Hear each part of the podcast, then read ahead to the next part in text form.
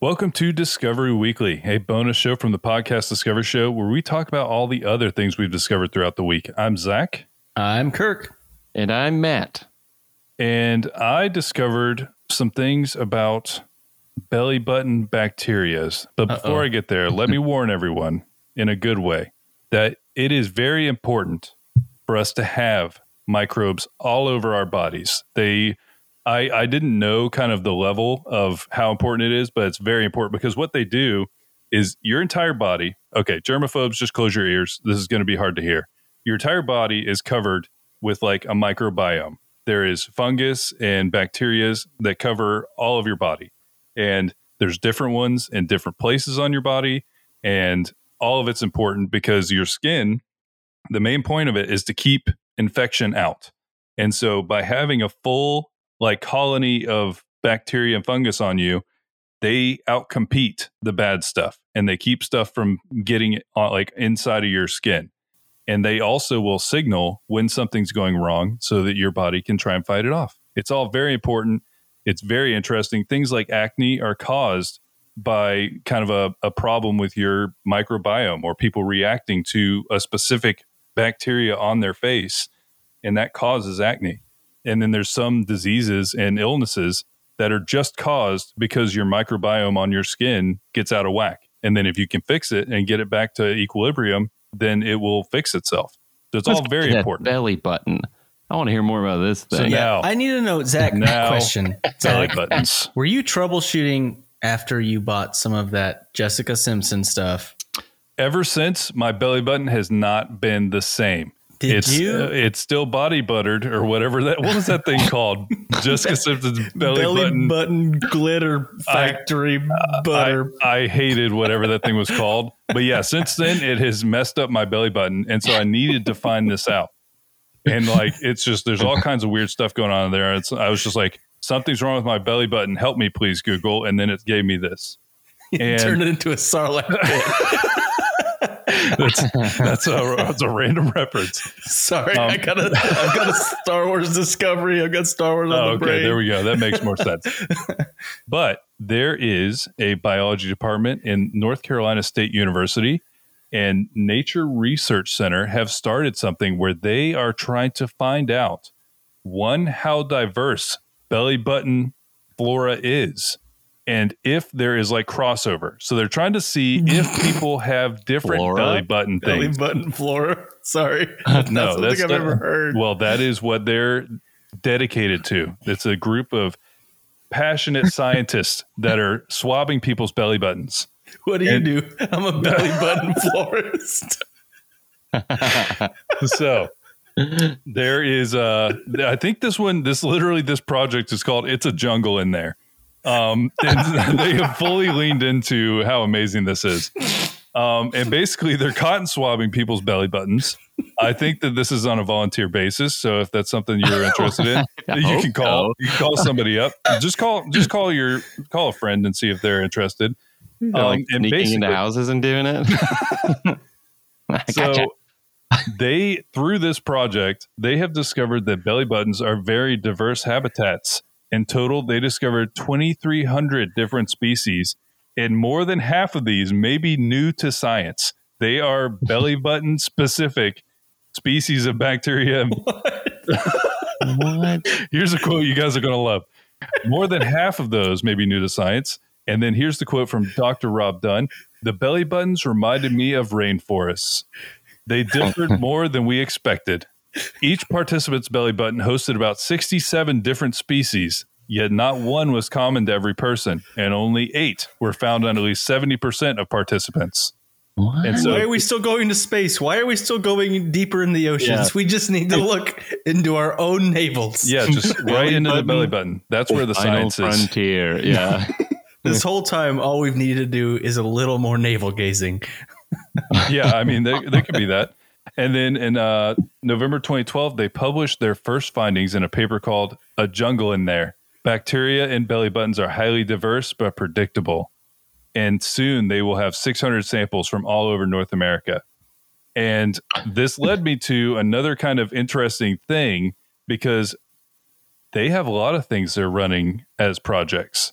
So there is a place. Um, it's the Ron B. Or Rob Dunn Lab. So that guy, Rob Dunn, has a public science lab at NC State where he has all of these things that are kind of accessible for citizens. You know, so it's like a, I think they call it citizen science projects.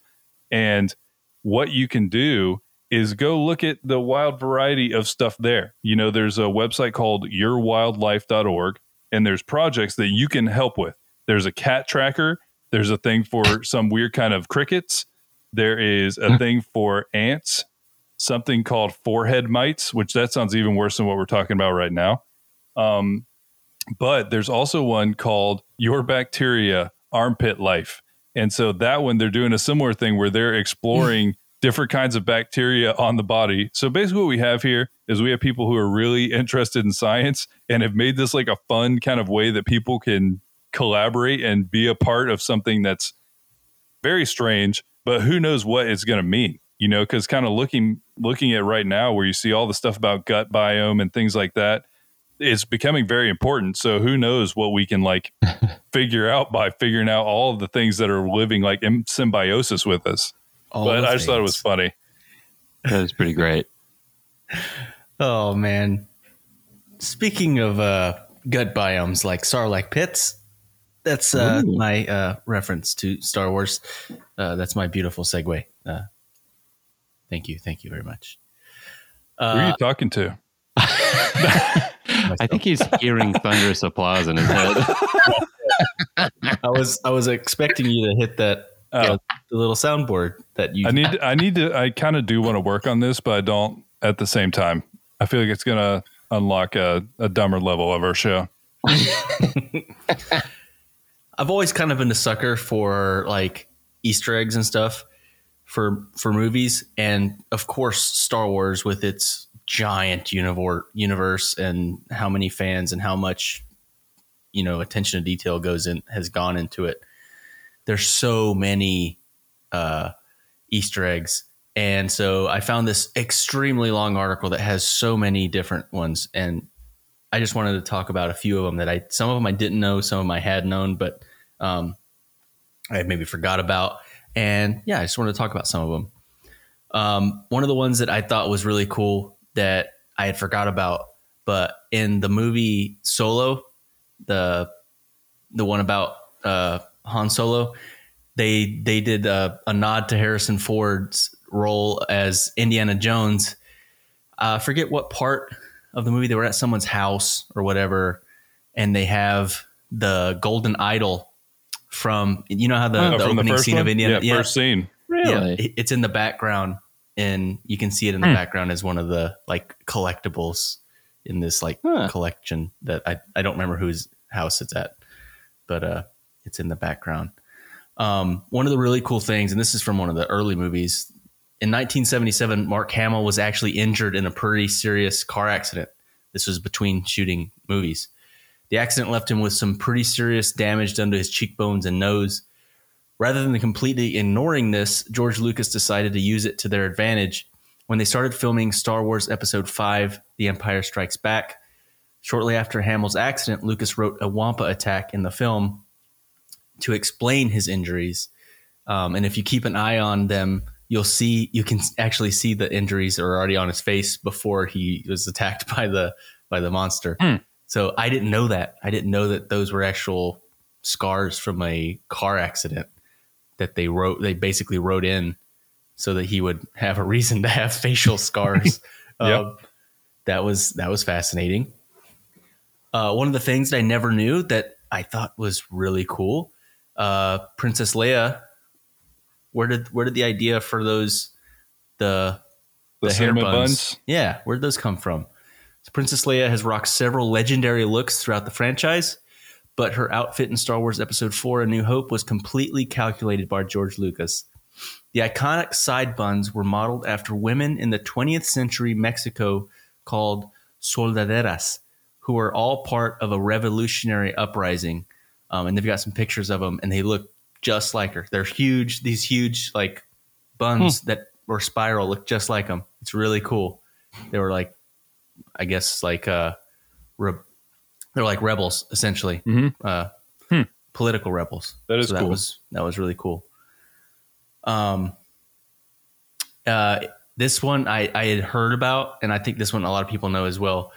When Luke instructs R two D two to remain on the ship, uh, he ignores the instructions. Did you guys notice that? Um, because he remembers that when that occurred last time was when Anakin had told him to remain on the ship in Episode Three, Revenge of the Sith, and that was when Anakin never came back to the ship, and he came back or he turned Hmm. into Darth Vader. So from then on, he never stayed on a ship, no matter who told him to stay on the ship. R For two, the rest little of- wild card. for the rest of the franchise. He's like, no, I'm not going to stay here. I'm just going to come. Uh, so that's kind of a, one of those little little Easter eggs. Hmm. Uh, I really love looking back at the practical effects that they used to do Oh yeah, on the first movies. um, one of my favorite vehicles was that land speeder, and the scenes where it was going over the desert Mhm. the way that they were able to make it look like it was um, floating is they literally it had wheels but they literally just put like a foot wide pieces of glass that reflected the ground and blocked the view of the wheels Hmm. so they, they've got pictures of that and it looks really cool to be able to see how they were able to do that Yeah, I always thought that one was really cool. I love doesn't. that like era of movies where because I mean Alien was doing that too, and then so was uh 2001 Space Odyssey. All of those yeah. visual effects for space things were awesome. So wild. Yeah. And um, last but not least, and I thought this was really cool, uh, a self. This was a uh, a nod to um, a group of Star Wars fans. This is uh, it says stormtroopers might be the bad guys in Star Wars movies, but in real life they can be very charitable and caring. The 501st is a group of Star Wars fans who volunteer in community in the community while dressed up as stormtroopers. Their goodwill even translated in films as a ba- as background cameo. Um, in Star Wars Episode six, or seven, The Force Awakens, a pink R two robot is seen in the background rushing around. This is an actual droid that that group owns that the 501st created to visit children in hospitals getting treatment. So they actually were able to um, be uh, a cameo on one of the movies uh, as a nod for to their organization for their charitable work. I just thought that was really cool.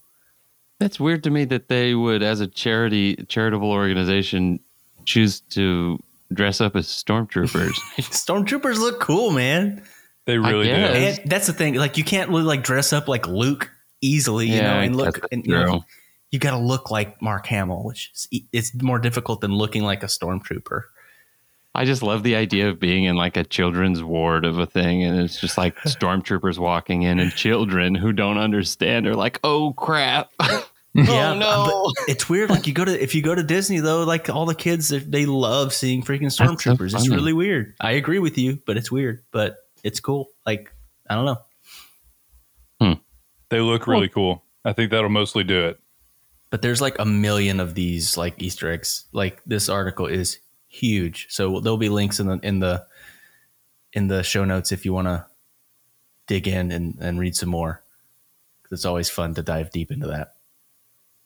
Well, talking about diving deep into movies and all sorts of fandoms, I was introduced to this awesome thing, and I'm gonna I'm gonna tell my little personal story. Uh, someone on Facebook that I had met through some commercial stuff um, had posted that he's selling these posters, and I was like, oh my god, that I bought this one that's behind me right now. It's this big 24 by 36 movie poster for Prometheus, but it's not the like the one that they hang outside the theaters, you know, Movie Co or whatever. Movie Co. Does that even exist anymore? it's AMC, right?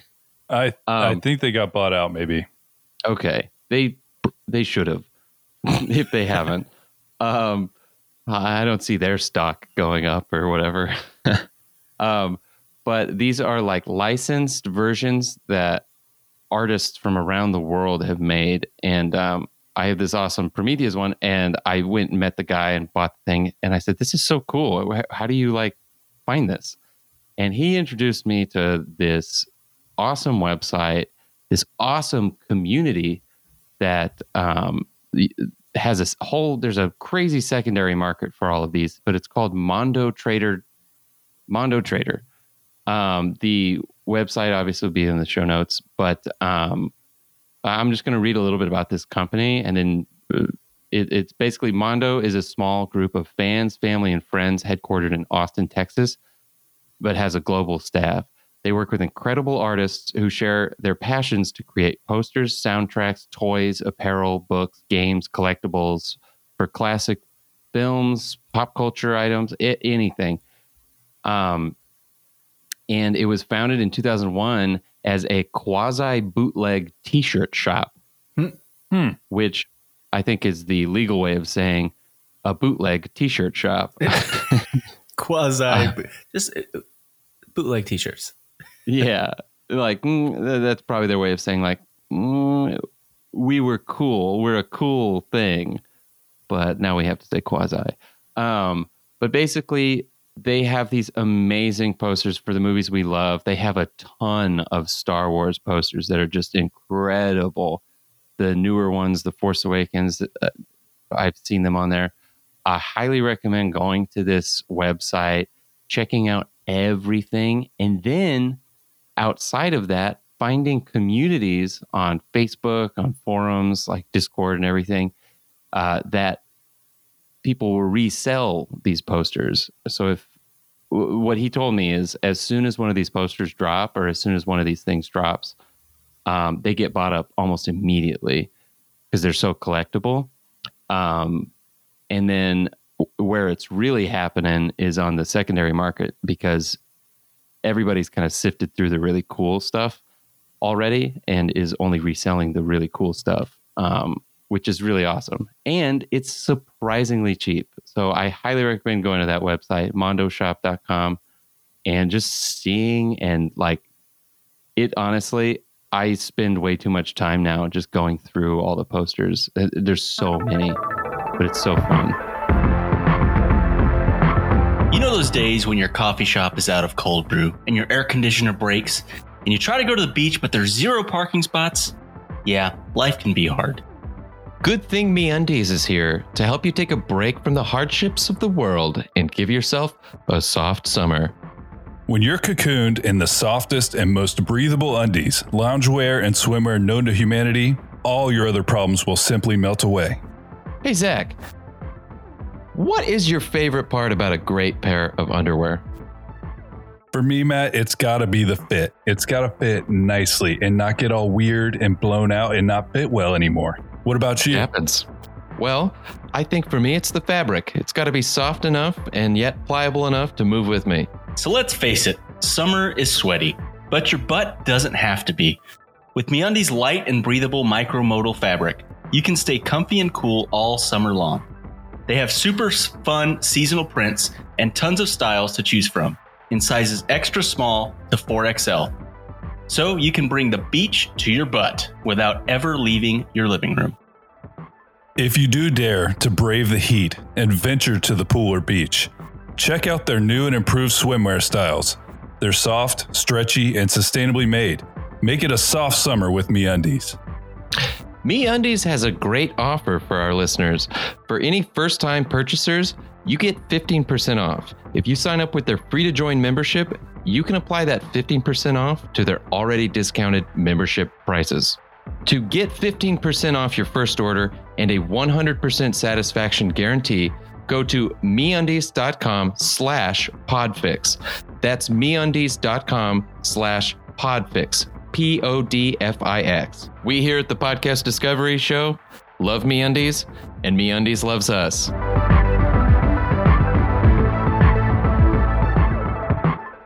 So I discovered the story this week of Brownie Mary, and this is an Atlas Obscura one. They actually, I saw it through their Instagram. By the way, Atlas Obscura Instagram also awesome, but I don't think I've ever looked at their Instagram. Brownie Mary, her real name was Mary Jane Rathbun, and she definitely fit that description. Is the the first line of this? So she was born in 1922 and really became kind of famous in the 70s.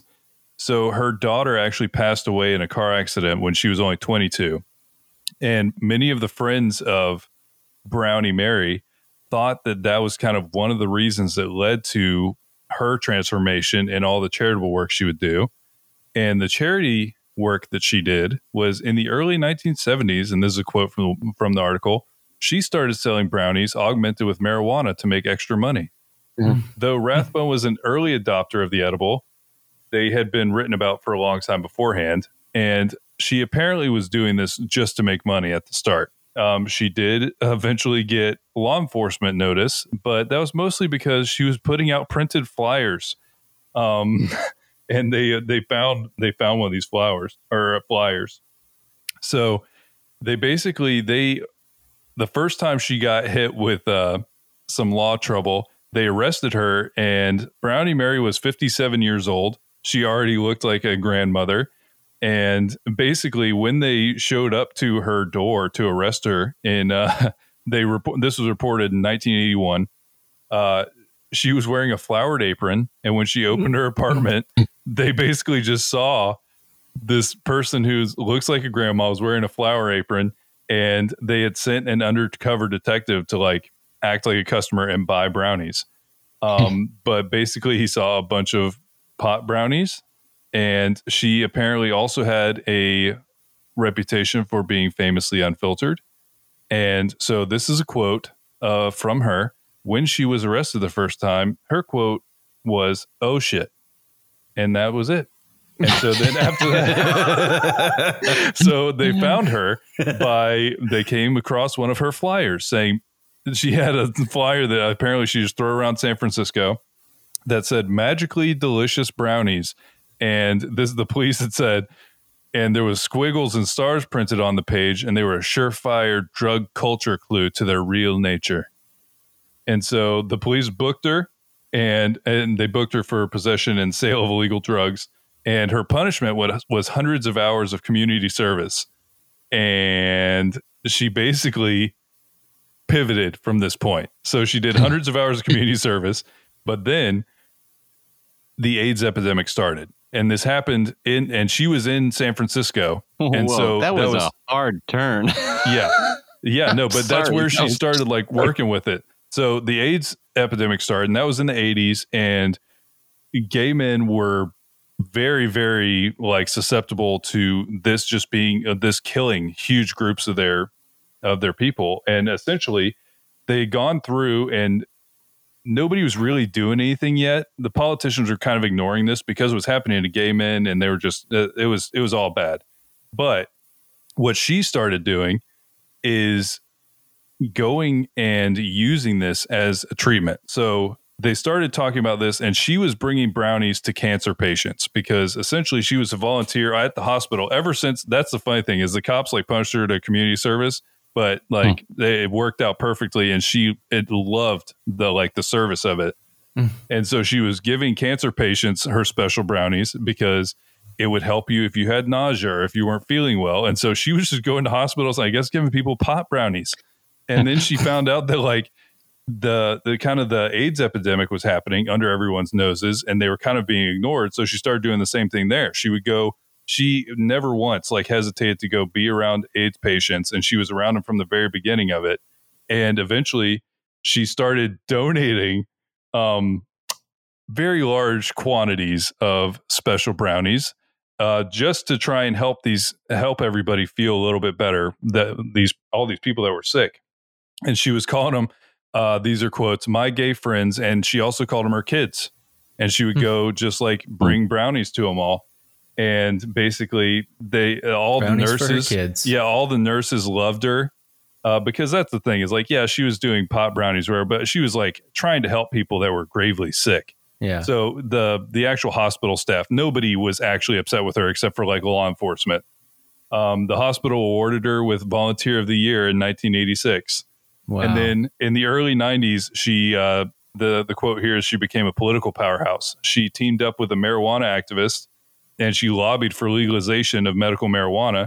And she prominently contributed to the passing of San Francisco's Proposition P in 1991, which freed physicians from the consequences of prescribing medical marijuana. and then she was arrested again in 92. Um, and this one received massive coverage uh, as a quote, and headlines no longer portrayed her as a naughty grandmother.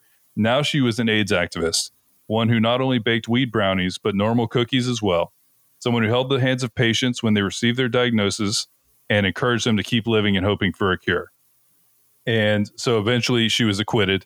Um, and honestly, it's funny because she was acquitted of the charges. And the next month, San Francisco Board of Supervisors declared August 25th, 1992 to be Brownie Mary Day.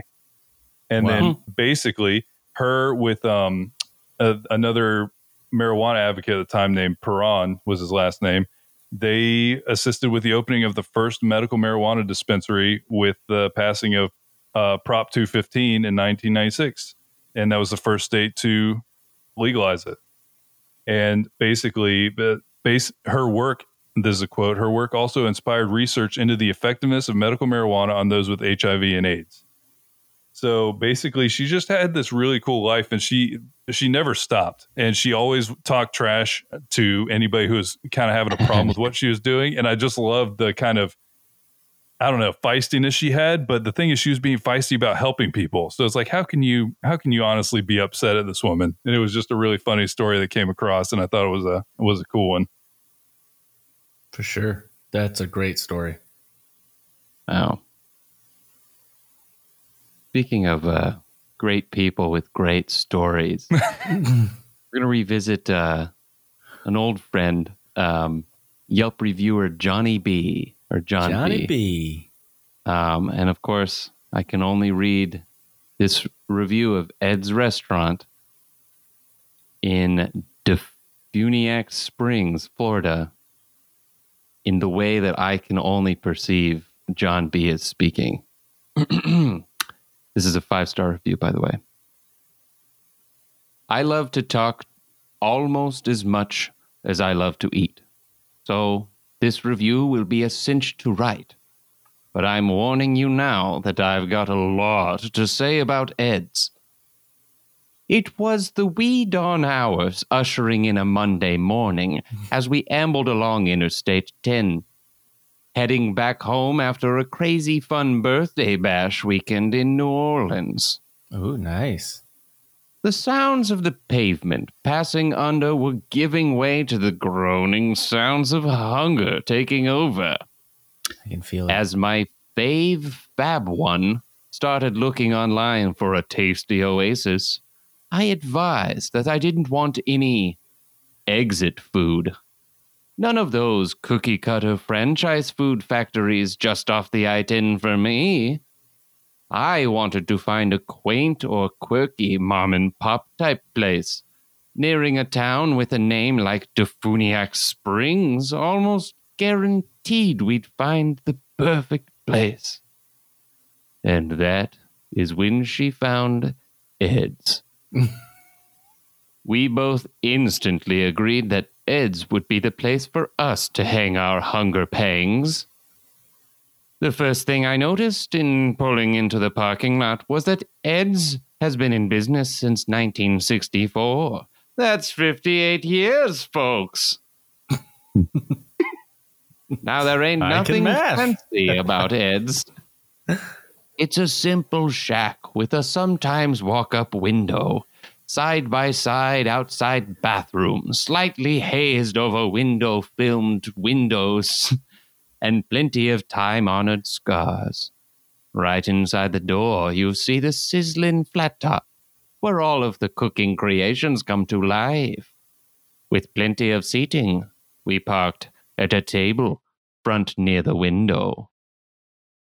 Moseying over to get our breakfast wishes was a girl named Micah. Turns out she was as unique as her name. Friendly, and with a bit of fun, she welcomed us in true Southern style. When visiting new places, that first contact with a local makes all the difference. Micah made us feel right at home. Ed's was looking like a great foodie find, but Little did we know what we were in for. Now remember, we're in Ed's for breakfast. It's roughly 8 a.m. here, 9 where we live. Fab One and I keep flipping through the two sided menu over and over. Lots of choices omelets, pancakes, eggs, any way you like. and a mention about some mighty fine biscuits. With a hint of mischief in her eyes, Fab One shyly says she's curious about Ed's signature pub burger. I glanced around over my shoulder at the sign outside. Sure enough, in big letters, it proclaims Home of the Pub Burger. Suddenly, pancakes and hash browns were out and burgers were in. For both of us. Giggling like two kindergartners, we wondered if Ed's would be willing to whomp up a couple of pub burgers while the sun was still waking up outside. It was at this moment that Micah approached, pen and order paper in hand. Feeling like I was cheating on the breakfast gods, I mustered the courage to ask Micah if hamburgers, no, pub burgers, could be in our near future. to our great amusement, she responded, absolutely. Proudly, we both ordered pub burgers. Well done, all the way. I ordered mine with fries. Something told us that this was going to be memorable.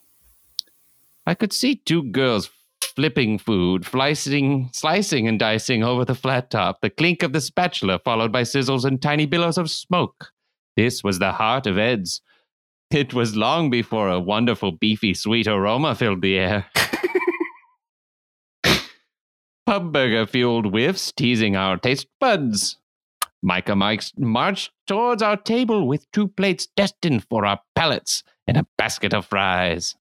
It was true home cooked goodness, golden buns with a shimmering glint of greasy yum oozing down. I bit into a fry first. The crunch told me this breakfast lunch bunch was a munching great hunch. Oh wow, we went Dr. Seuss for a second there. the burger before me was cut in half. Crispy curves of beef overhung the bun. American cheese filled those curves, cascading into cheesicle drips. Taking that first bite of burger, I was in a very happy place, and so was that woman across the table from me. Can you picture a pickle puckering smile face? I was in the midst of pure greatness, holding an all the way burger, needed nothing else. Nothing. No added mayo, no ketchup, nothing! a juicy patty of perfection, lovingly wrapped in all the way wow! With a hint of what? You know it. Shiny good dripping down the hand. By far a burger worthy of any What? pub. Anywhere. Perfect ultimate burger. After thoroughly enjoying every last morsel of that monstrously meaty treat, we headed out the door after paying our very decent tab, of course. With the mischief that is me, I couldn't resist talking to the cook responsible for this magical meal. I motioned at one of the cooks with a forefinger, Come here, Wiggle. The kind your mama would do when you're in trouble. She had a look of uh oh on her face as she sheepishly stepped over to me. I proceeded to sternly announce that she hit that burger out of the park. Followed by a whole lot of very sincere praise. Her face went from OMG to glee immediately. Her name was Caroline. As she glowed, she said that made her day.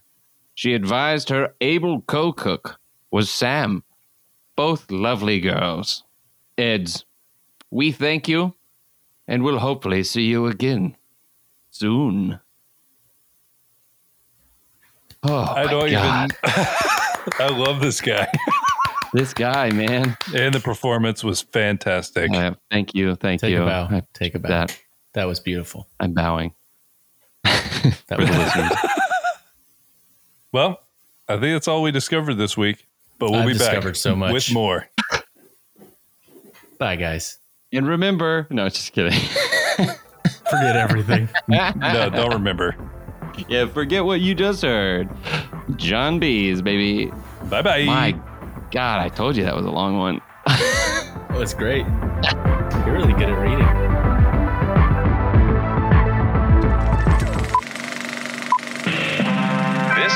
Podcast from the Podfix Network. You can check out more shows like it at podfixnetwork.com.